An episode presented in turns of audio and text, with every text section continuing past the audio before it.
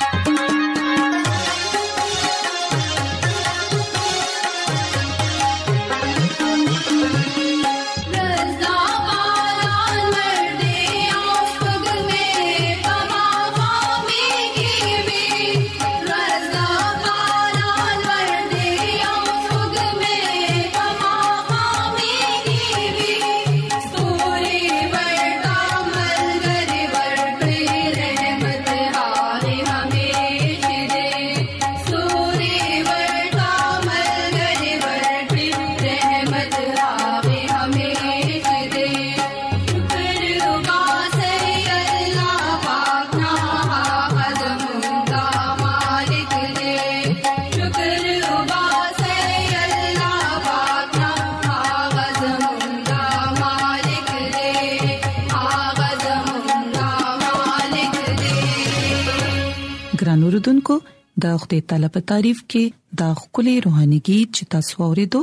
زه امید کوم چې دا به تاسو خوښ شي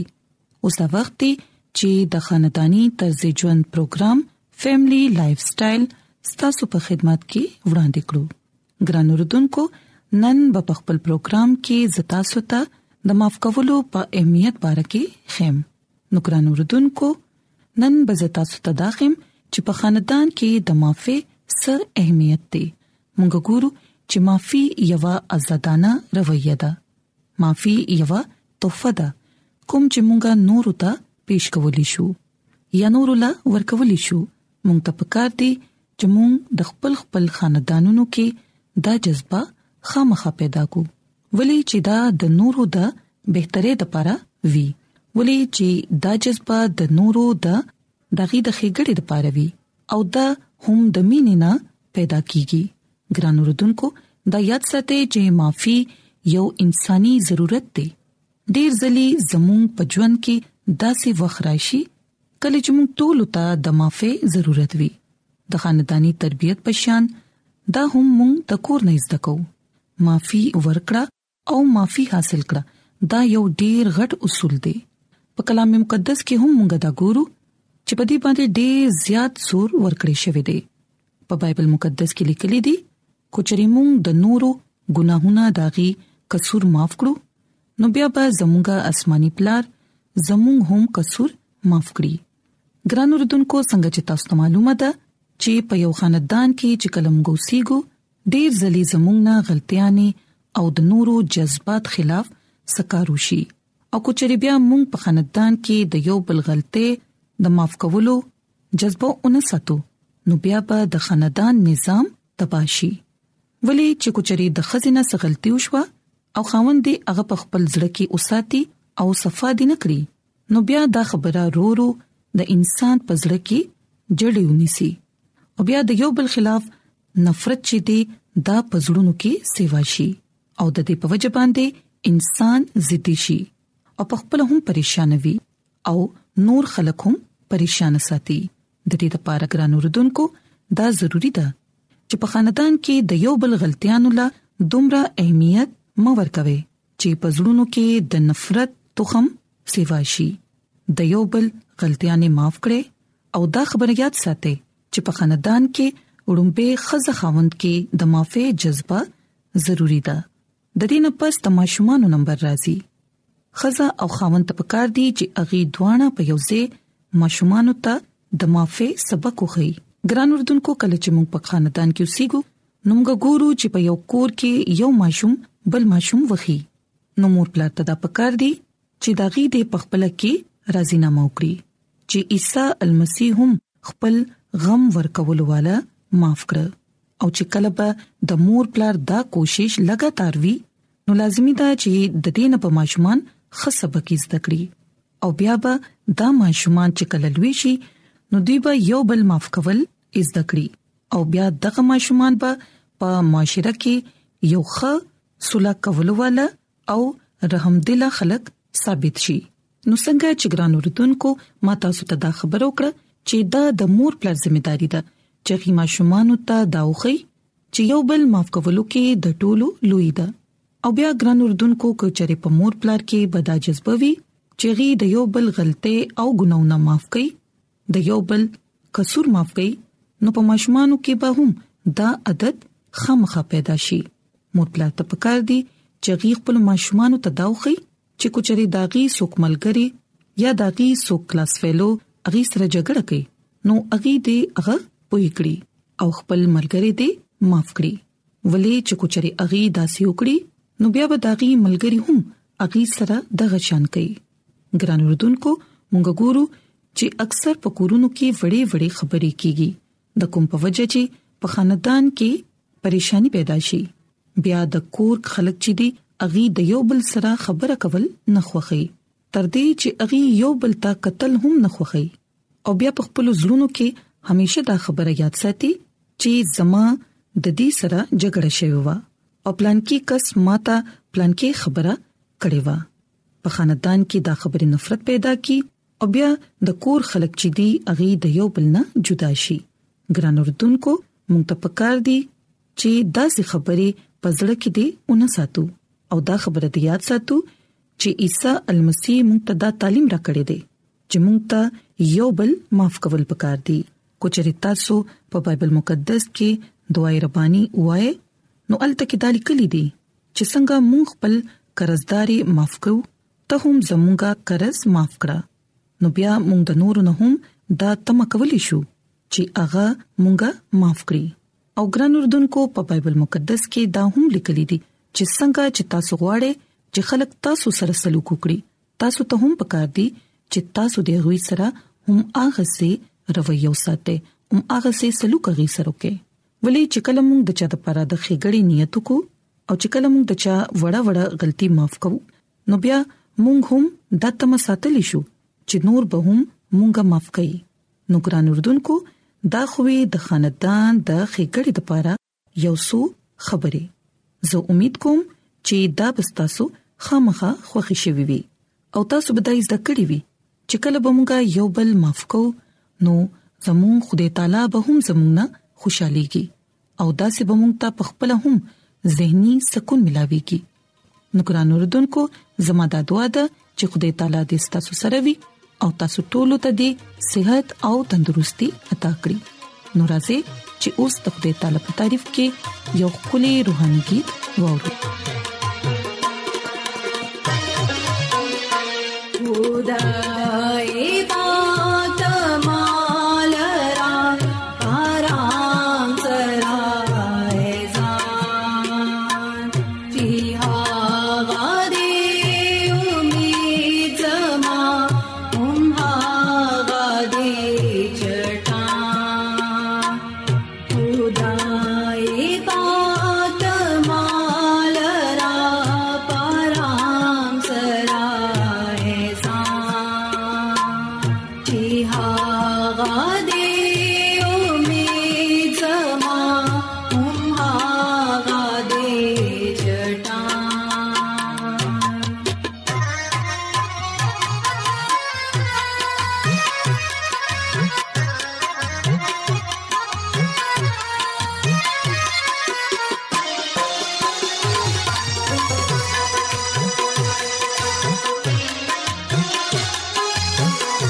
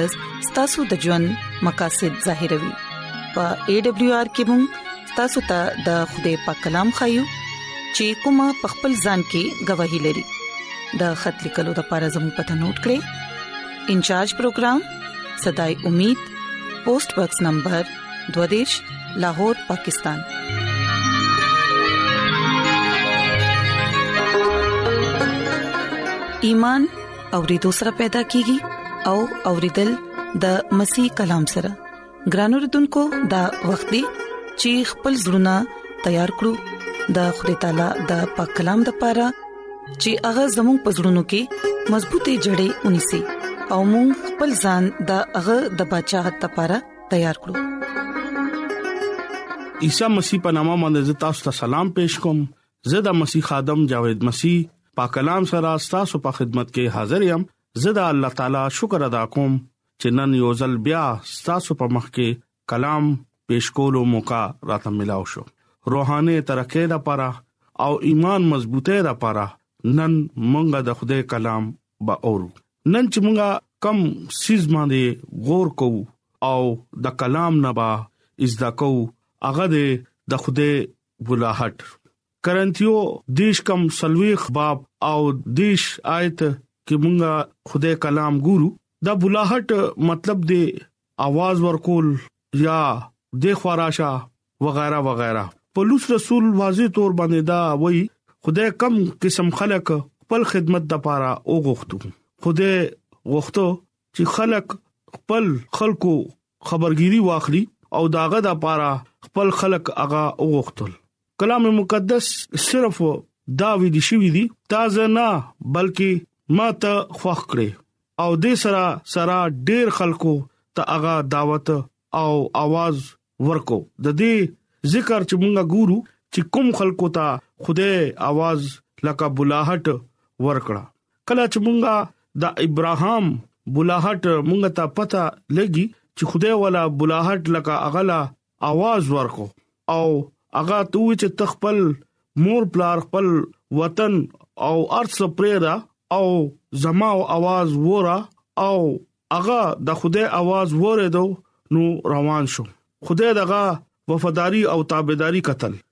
هغه خدای سره مینا کولا او هغه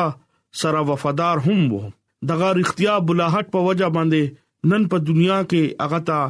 ایماندار پلار نوم باندې هغه مشهور دی ګران اوردونکو نن په دې دور دنیا کې مونږ ته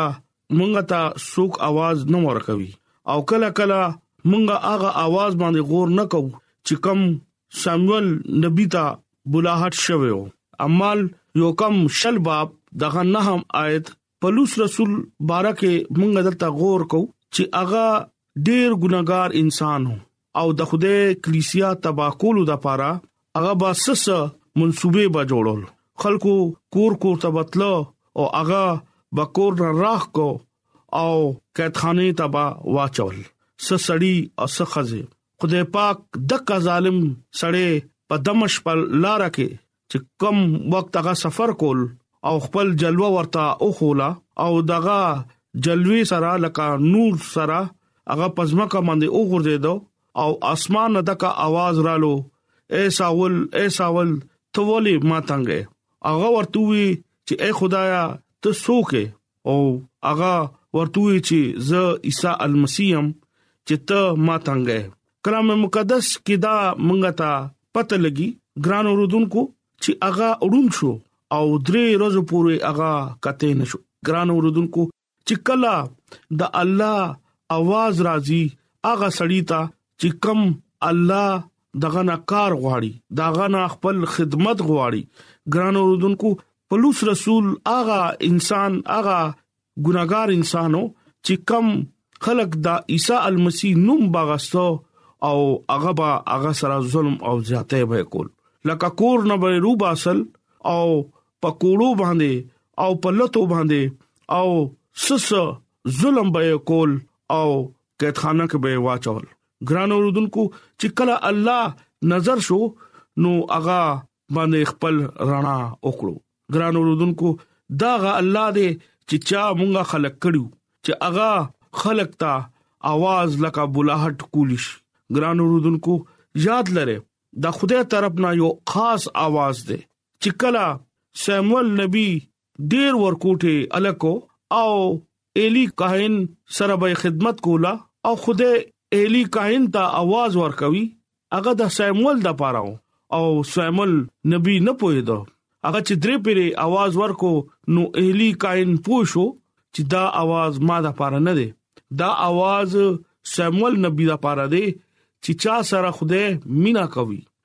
خوده چې غواړي نو هغه د ماشوم نه هم کار غستې شي خوده غواړي نو هغه زلمی نه هم کار غستې شي خوده غواړي نو هغه وی چې کانی به مو چغه شروع کړي دا د خوده کمال دی دا د خوده مینا ده چې هغه یو انسان ته اواز ورکی یو انسان ته بلاحت ورکی رویا ورکی ویژن ورکی چې ته زما خدمت وکا ته زما نوم لا جلال ورکا ته زما نوم پرچار وکا خلق پتا باندې کوړی ورکوي تا ذلیلای تا سره مینا نه کوي ستا سره د مینې اظهار ډونه کی نفرت دیو کی ما تعالی आवाज درکړې ده څنګه چې ساور نبی ته تاسو ګوره چې هغه سمرا ګناګار انسان دی دومره سخت انسان دی چې هغه د عیسی المسی په نامه باندې خلکو ته کوړې ورکوي ظلمونه ور سره کوي چې تاسو دا نوم وانه او چې کلا عیسی المسی په هغه باندې خپل رڼا لکه نور ورته وخو نو هغه او یریدو او عیسی المسی باندې ایمان وروړ دا ساول ژوند ته وګوره چې هغه د عیسی المسی بارکه غټه غټه کلیسیانه جوړ کړي غټه غټه ټولې جوړ کړي غټه غټه مجمع او لګولې په بازارونو کې ډېر غټ دلیرې سره د عیسی المسی نوم منادي به کوله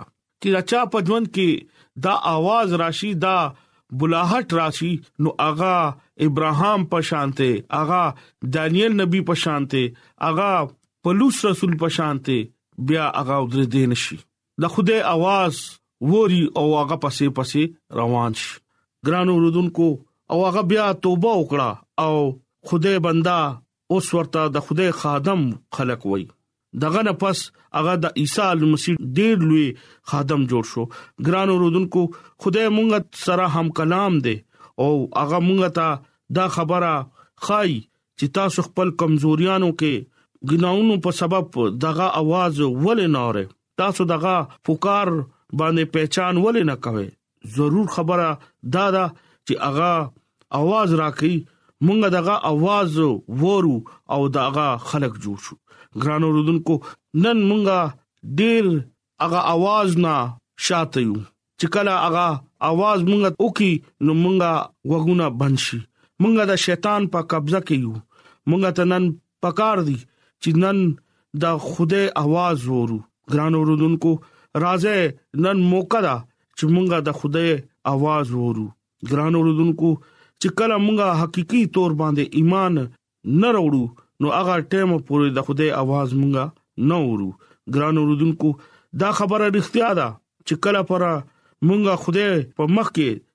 د خپل ګناونو اقرار اونکو نو هغه ټایم پورې خوده